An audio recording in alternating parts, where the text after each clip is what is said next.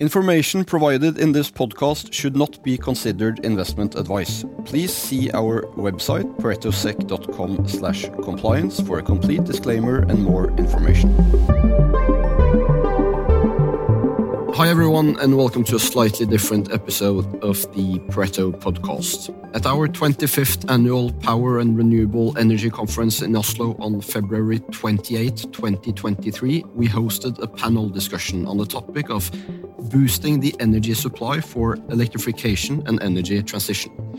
The panel featured Statnett President and CEO Hilde Tonne, CEO of Renewables Norway Åslaug Marie Haga, EVP Hydro Energy Arvid Moss, Member of Parliament for the Conservative Party of Norway Nikolai Astrup, and Freyr CEO Tom Einar Jensen. The discussion was led by our investment banking director of power and renewable energy, Lars Ove Skorpen. I hope you enjoy this episode. Welcome to you all. I would just kick it off with, you know, the Energy Commission, uh, this 40 terawatt hours uh, in new renewable power within 2030, and 20 terawatt hours of energy efficiency. And uh, maybe start off uh, with you, Nikolai. Uh, you know, the politicians, are they doing what is needed in order to get there? Well, let me say, um, fortunately, politics is a renewable resource. And there's an election coming up, so there might be hope, a glimmer of hope in the future. Um, and uh, you know maybe Hilde should be the minister because she had some very good points, I think. And um, also, I, I, think Tom Einar is not the only politician in the Jensen family. So, um, uh, or his, uh, his, sister is not the only politician. Sorry, um, but but let me say it's going to be difficult because 40 terawatt hours is not going to happen easily, and it's going to take. Uh, as Hilde said, we have to do something about the permitting process. That's that's the main hurdle to pass but I also think we need more stable framework conditions. We've seen in the past few months tax systems uh, changing uh, radically and not for the better. Uh, and um, investors need predictability in order to, to put their money into new projects. So, so that's going to be very important to rectify. And I think we need a cross border political deal on the framework conditions going forward in order to ensure um, the investors that this is going uh, to be stable for the future. Åslaug? No, certainly we can do the 40 terawatt hours if we want to. It's all about the politicians, actually. Uh, and I really hope that we can have a broad agreement in Parliament between the existing government that probably will stay there for another three, two, three years and um, the other side of, of the aisle. But yes, we can do it. But there are a couple of prerequisites. Uh, first of all, yes, we need to get the permits. As of today, I, the developers are there. They are ready to go, huh? but we do not have the permits. And that goes for hydro, that goes for solar, that goes for wind. Huh? So that has to be there. And we have to shorten the period that it takes uh, to get permits, clearly. The second is that we need capital. And uh, yes, there is capital around, but with the latest uh, tax ideas from the present government, we are in deep, deep trouble. There might be willingness uh, to invest, but there is no ability in the sources in Norway that we would expect uh, to invest.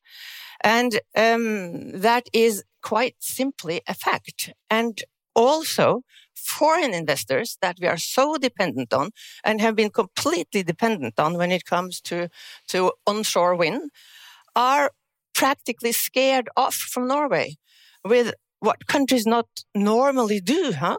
To introduce taxes retroactively. You know, you do not do that in countries like Norway. This is being done in countries we don't like to compare ourselves with. So we need permits, we need capital. And I got to say also to Hilde Tonne, to her, her excellent uh, presentation, but I think also, Hilde, we need to discuss this. Uh, grid has to come first. Mm. You know, take Finnmark now. I mean, it's just an awfully sad situation where we're sort of discussing whether to electrify Melkøya or to give grid production capacity and then energy to business, to green business uh, in Finnmark that really needs to develop and not the least needs to be developed because of the security situation up north. Anyway, it can be done, but there are certain things that need to be in place and we have to rely on the politicians. The industry is ready to go. So, you were actually able to get the power before more or less uh, North or Norway uh, kind of disappear when it comes to uh, power because uh, Hilde, you're saying no to everyone now, but Tom-Einar, you came in there. But is that a one-off? Uh, what's your perspective on on uh, you know Norway going forward with regard to your not so power intensive, but still power intensive, uh, you know, business. Well, so uh, a key reason for why we chose to to locate in NO4 and in Mo uh, was the availability of surplus power in the area. So I don't think you can compare the power situation today in NO4 to Norway generally, and or to the south of Norway. Uh, but moving forward, if we're going to replace the 60x export value of gas, as you pointed out, with, uh, let's call it industry that Norway has comparative advantages of succeeding in, we just need to double down. We need to ante up. We need to do a lot more than what we're talking about here. It, it, it's a 60x problem, mm. as you point out, and it's tomorrow, as Hilde points out. Mm. Right? So I think 40 terawatt hours is a good start, but it's not by far enough, right? So, but that's kind of, we're struggling to even wrap our head around doing that. The opportunity is much larger. Uh, so, yes, we secured power for 10 years for our facilities in Mo uh, and we're very happy with that. That's probably a very competitively priced solution for us. Um, but we need to do more, a lot more, also in the north. And Arvid, you are, I guess, the largest consumer of electricity in Norway with roughly 17 terawatt hours, uh, producing roughly 10. You know, what's your take of this picture? Because you also need more power. I mean, you're short seven. Yes, we are. Uh, no, I am worried, really worried, because as as Hilde said, we it's what we face now is things we should have dealt with yesterday, not today, not tomorrow. We are too late uh, it's and I'm I'm not optimistic. Uh, if I'm I'm normally I'm optimistic, but uh, talking about the 40 terawatt hours in 2030, I, I don't see we will get there. The, the challenge in the Norwegian debate is that we have had one very intense political debate about the climate targets. And everything has been around you now raising the bar from 40% to 50% and then to 55%. But no one has really discussed what will it take when it comes to renewable power. Since they made the ban on, on wind power in 2019, they have lifted and lifted and lifted the climate targets mm. without discussing at mm. all how to get there. Mm. And now it's too late. We're not going to meet the climate target. I don't see how we can make it. And second, we will not make the 40 terawatt hours, and we will not make the industry. There will never be a deficit. I've said this before. There will never be a deficit because industry is not going to be built. Mm. Hilde, what's your take? I mean, given that yeah. you're looking at 13 years for a cable, mm. and we're talking about less than eight years here. I mean, how realistic is this? I, I believe the right way to go is to start. If we could just start, maybe it's not 40 terawatt hours in 2030, but if it's 35 or 30, I'll be very happy and it's going to help us out. And we're doing our work uh, on, on the grid side together with our partners, uh, the distributing uh, uh, system operators, to optimize the usage of the grid we already have, to implement innovative and technology solutions that is going to, you know, have its breakthrough. We're doing things every day to, to move forward on, on many axes but the implementation and investments in renewables have to start now. And it's right what Arvid is saying. Uh, where will they go if we are in a power deficit and that's influencing the prices in 2026 in southern Norway? They will go to Sweden mm. because they are ready. Mm. Is this how we want to position our country? Mm. And we need anticipatory, uh, holistic thinking here. And we need to be forward leaning, including on, on the grid side. And that does not mean I uh, underestimate the sustainability issues and the need for coexistence with fisheries and with um, Laplanders and reindeers and all of that. It's extremely important, and we are a country that need to really be in the forefront of that way of working. But I don't see that taking 13 years on average. But uh, Arvid and then Åslaug. I remember when you came back from Europe in in uh, August uh, last year, Hilde, you said you, you came from Brussels with an urgency mm. of 10 mm. Mm. and coming back to Norway, urgency level one. You know? And I was rather optimistic that we were moving in the right direction until September last year. But then I think that's, you know, because there was a tendency that people were starting to talk about we have to start to build renewable power again, we have to start wind power. But of course, then, then in a way, the new tax system really pulled the carpet for, for, for that. Uh, until that is repaired, there will be no decisions on, on new wind power onshore in Norway. And then with the new uh, legal regulation around the communities, how they're going to now get involved in the process, that is still not sent to the parliament. So no local community will taste any wind power development before that is through the parliament. Hmm. So then we have lost another year. So then you can start. There is no chance that we'll probably get a new windmill up in operations in three, four years, unless unless someone is really pushing the button and saying, "Now it's really time." Hmm. And I don't see that happening. Hmm. And also on that note, I mean, right now, as I understand, there are three municipalities in Norway, you know, publicly stating they are in favor of onshore wind, and that's Lebesby and Gamvik in Finnmark and Utsira. And we all know that there's a lot of reindeer in Lebesby and Gamvik. So, you know, what's your take on this? Well, yes, there are there are clearly challenges on the on the onshore wind side, um, but it is a reality that we are heading towards a energy deficit in 26, 27, and something has to be done.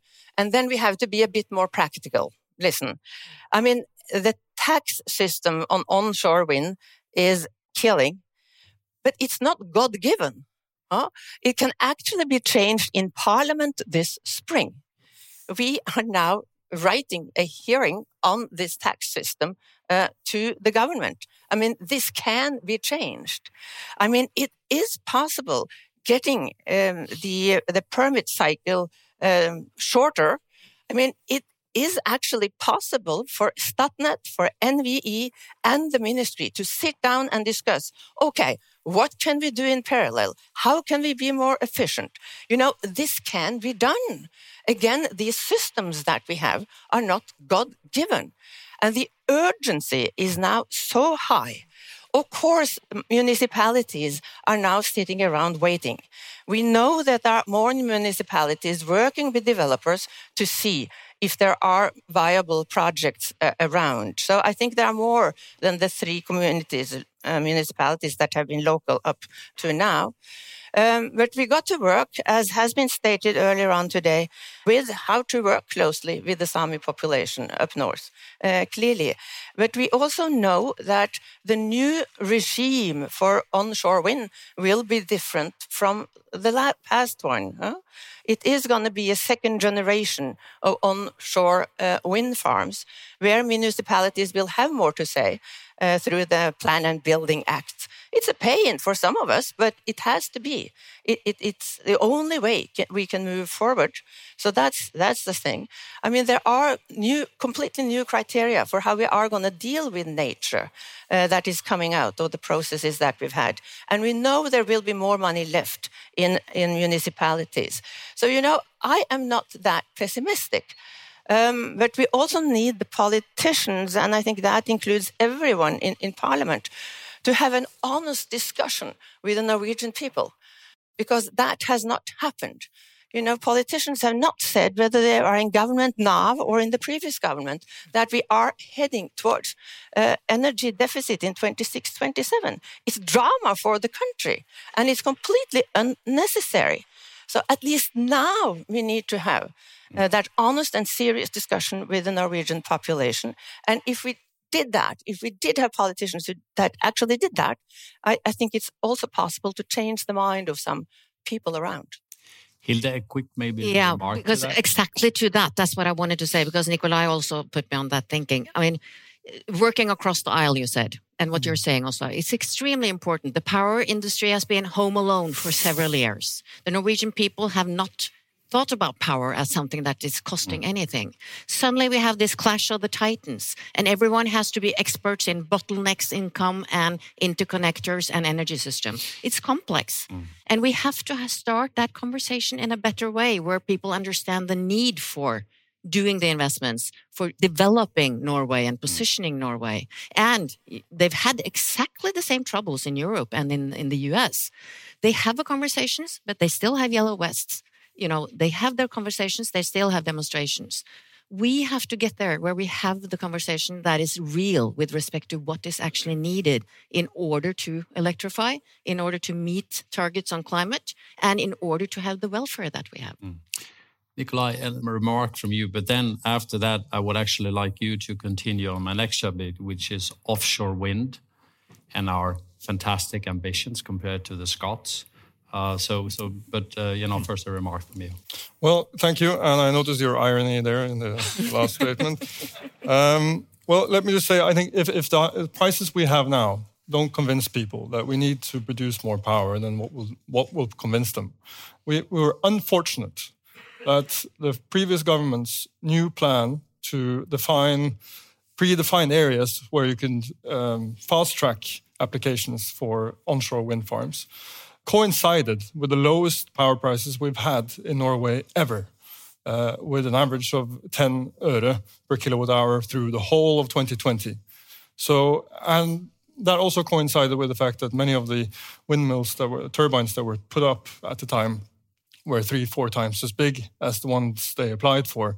So uh, some of your members need to take uh, responsibility. Maybe not three, four also. times. But but also, uh, but, but I think They did yeah, have permits, though. uh, they did have permits, but uh, the whole system didn't really work in favor of the local communities. Uh, now we've changed that. I am actually more optimistic for the medium and long term.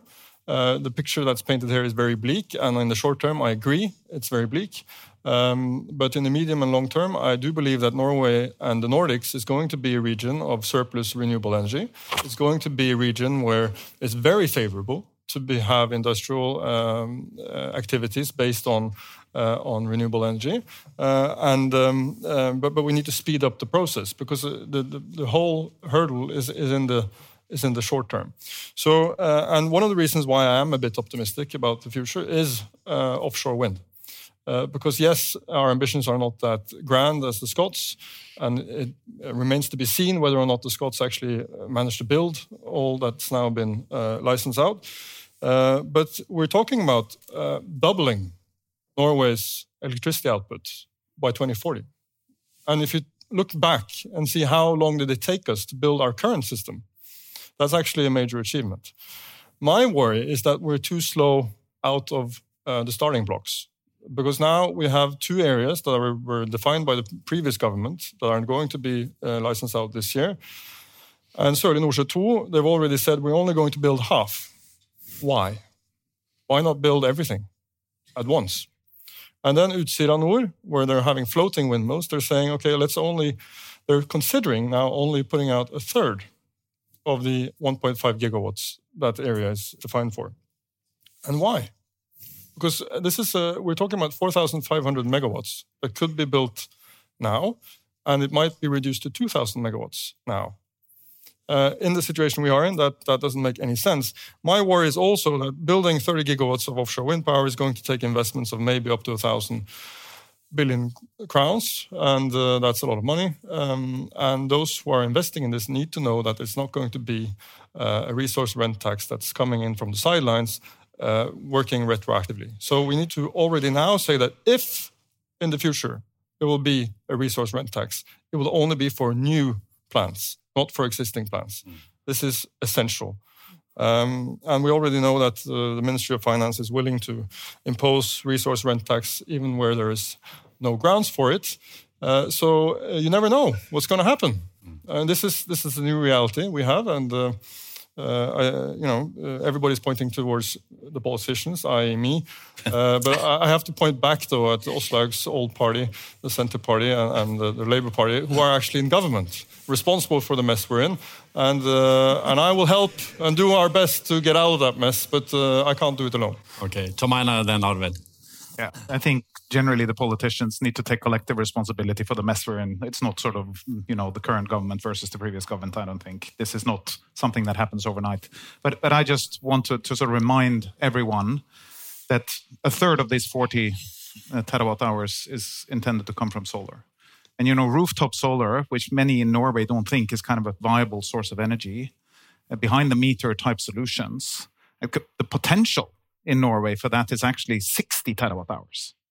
And we more than doubled installations of that in Norway last year.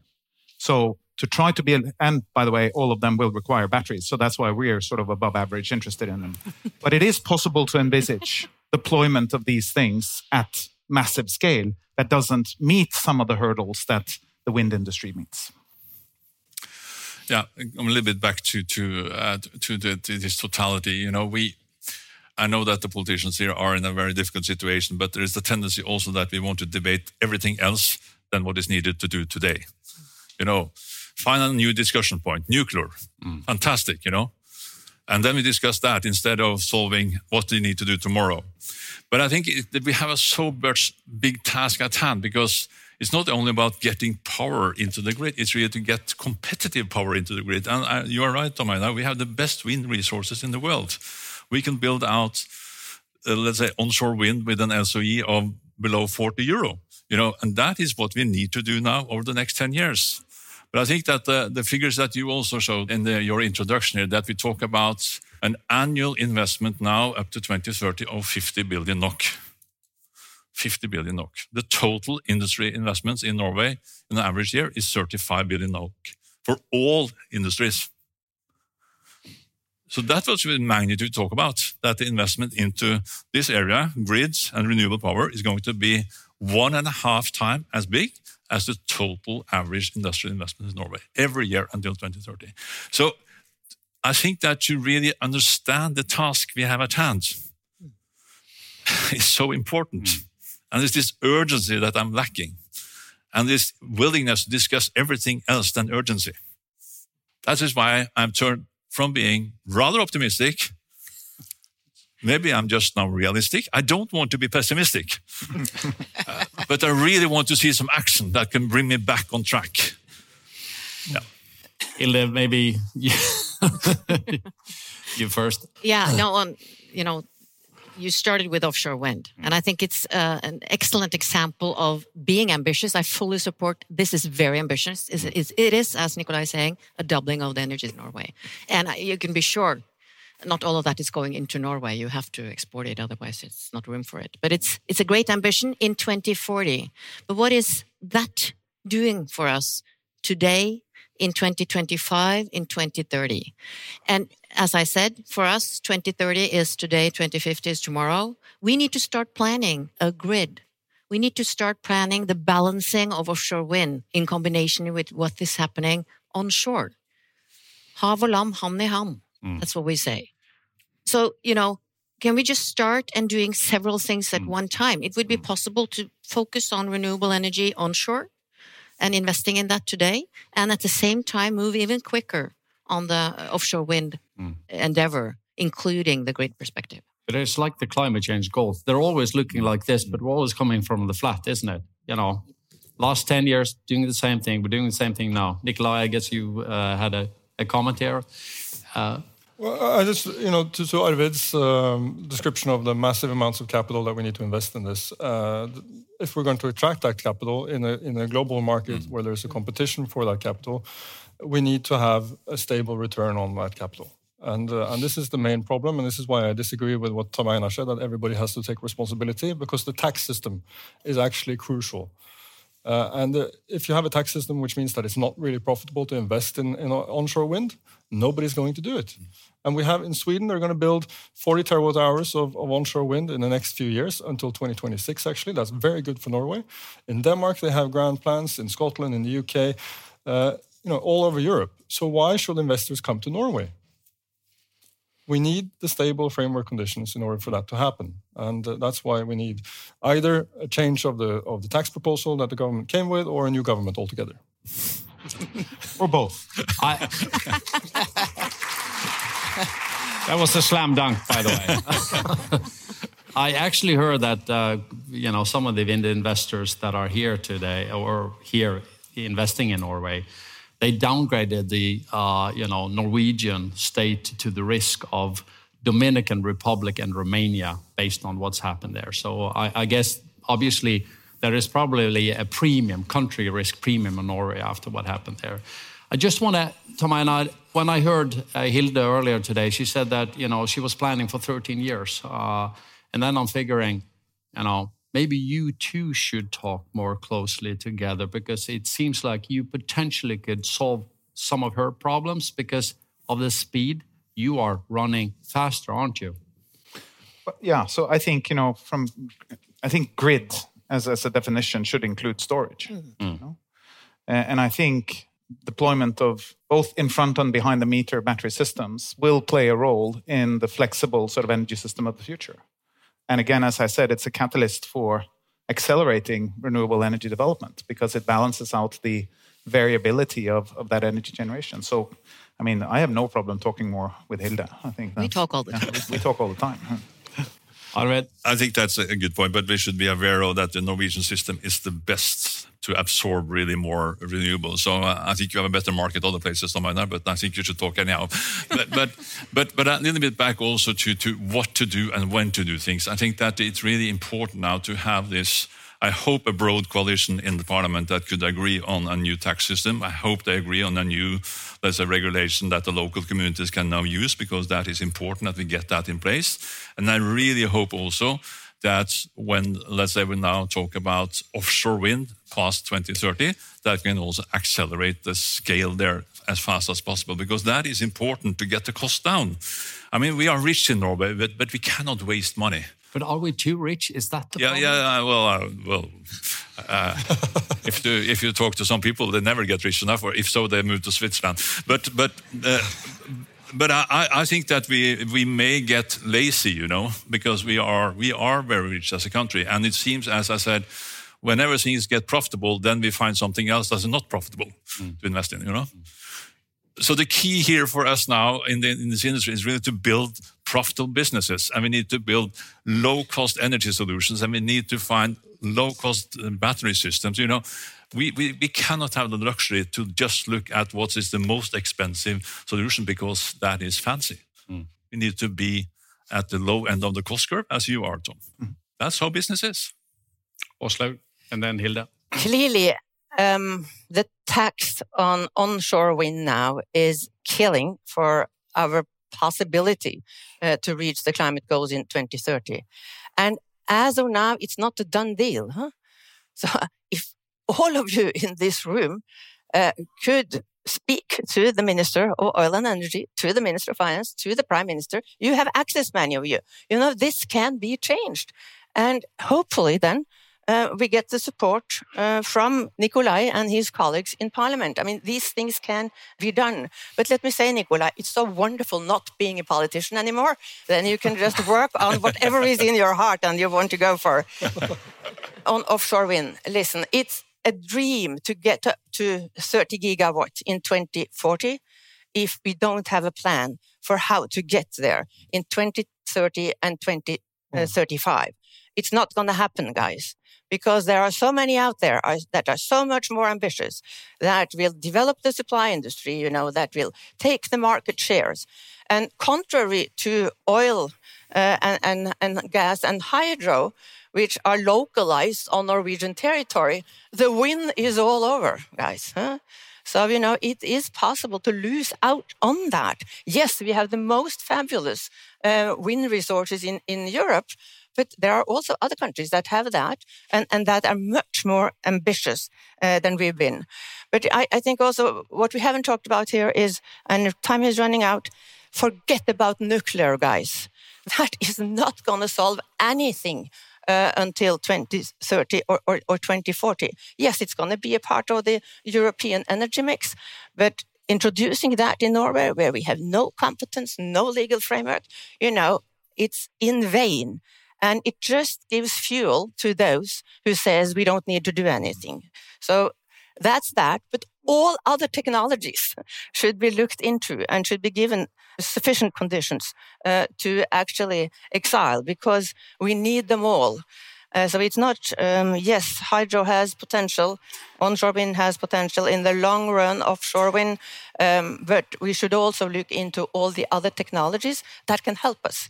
And that includes, for example, district heating um, and other heating systems that can take some of the pressure out of the electricity um, market. So there's plenty of job uh, for everybody. I'm going to allow two short comments, Hilde, Nikolai, and then we have to stop. No, I just wanted to focus on we probably have the most efficient energy system in Europe. Remember that. We have industrialized Norway based on that mm. since the beginning of 1900s. Extremely impressive what we have done. We're standing on the shoulders of an oil and gas industry with high technology and innovation capacities. We can do this again and we can do it efficiently and cost focused. What we're needing here is I get a little bit of deja vu. We've been together before, all of us, uh, for some years now. We talk. This is not breaking news. Mm. The industry is ready. Uh, Statnett is ready. I know the other green companies are ready. Uh, the investors are ready. Let's let's do this because we have done it before, and it's a great opportunity for Norway. Nikolai, we need a Lykkeland, but now you have the final comment here. Perfect. say whatever I want.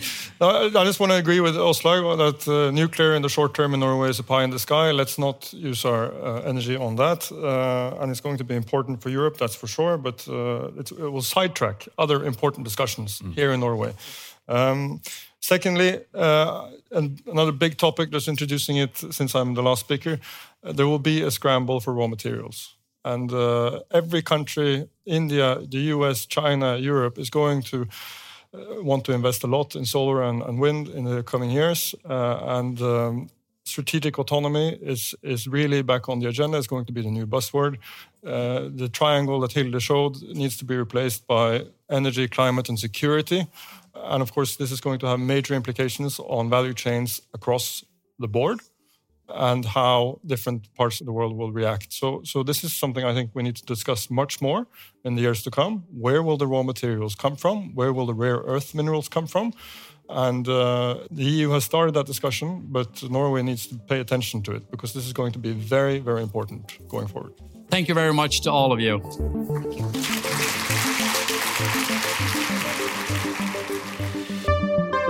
Information provided in this podcast should not be considered professional advice and is not intended to constitute investment advice. Investing and trading in all types of securities involve considerable risk at all times, and past performance is not necessarily a guarantee of future performance. Pareto Securities does not accept any form of liability, neither legally nor financially, for any direct or indirect loss or expenses that may arise from the use of information provided in this podcast. Please see our website paretosec.com/compliance for more information and full disclaimer.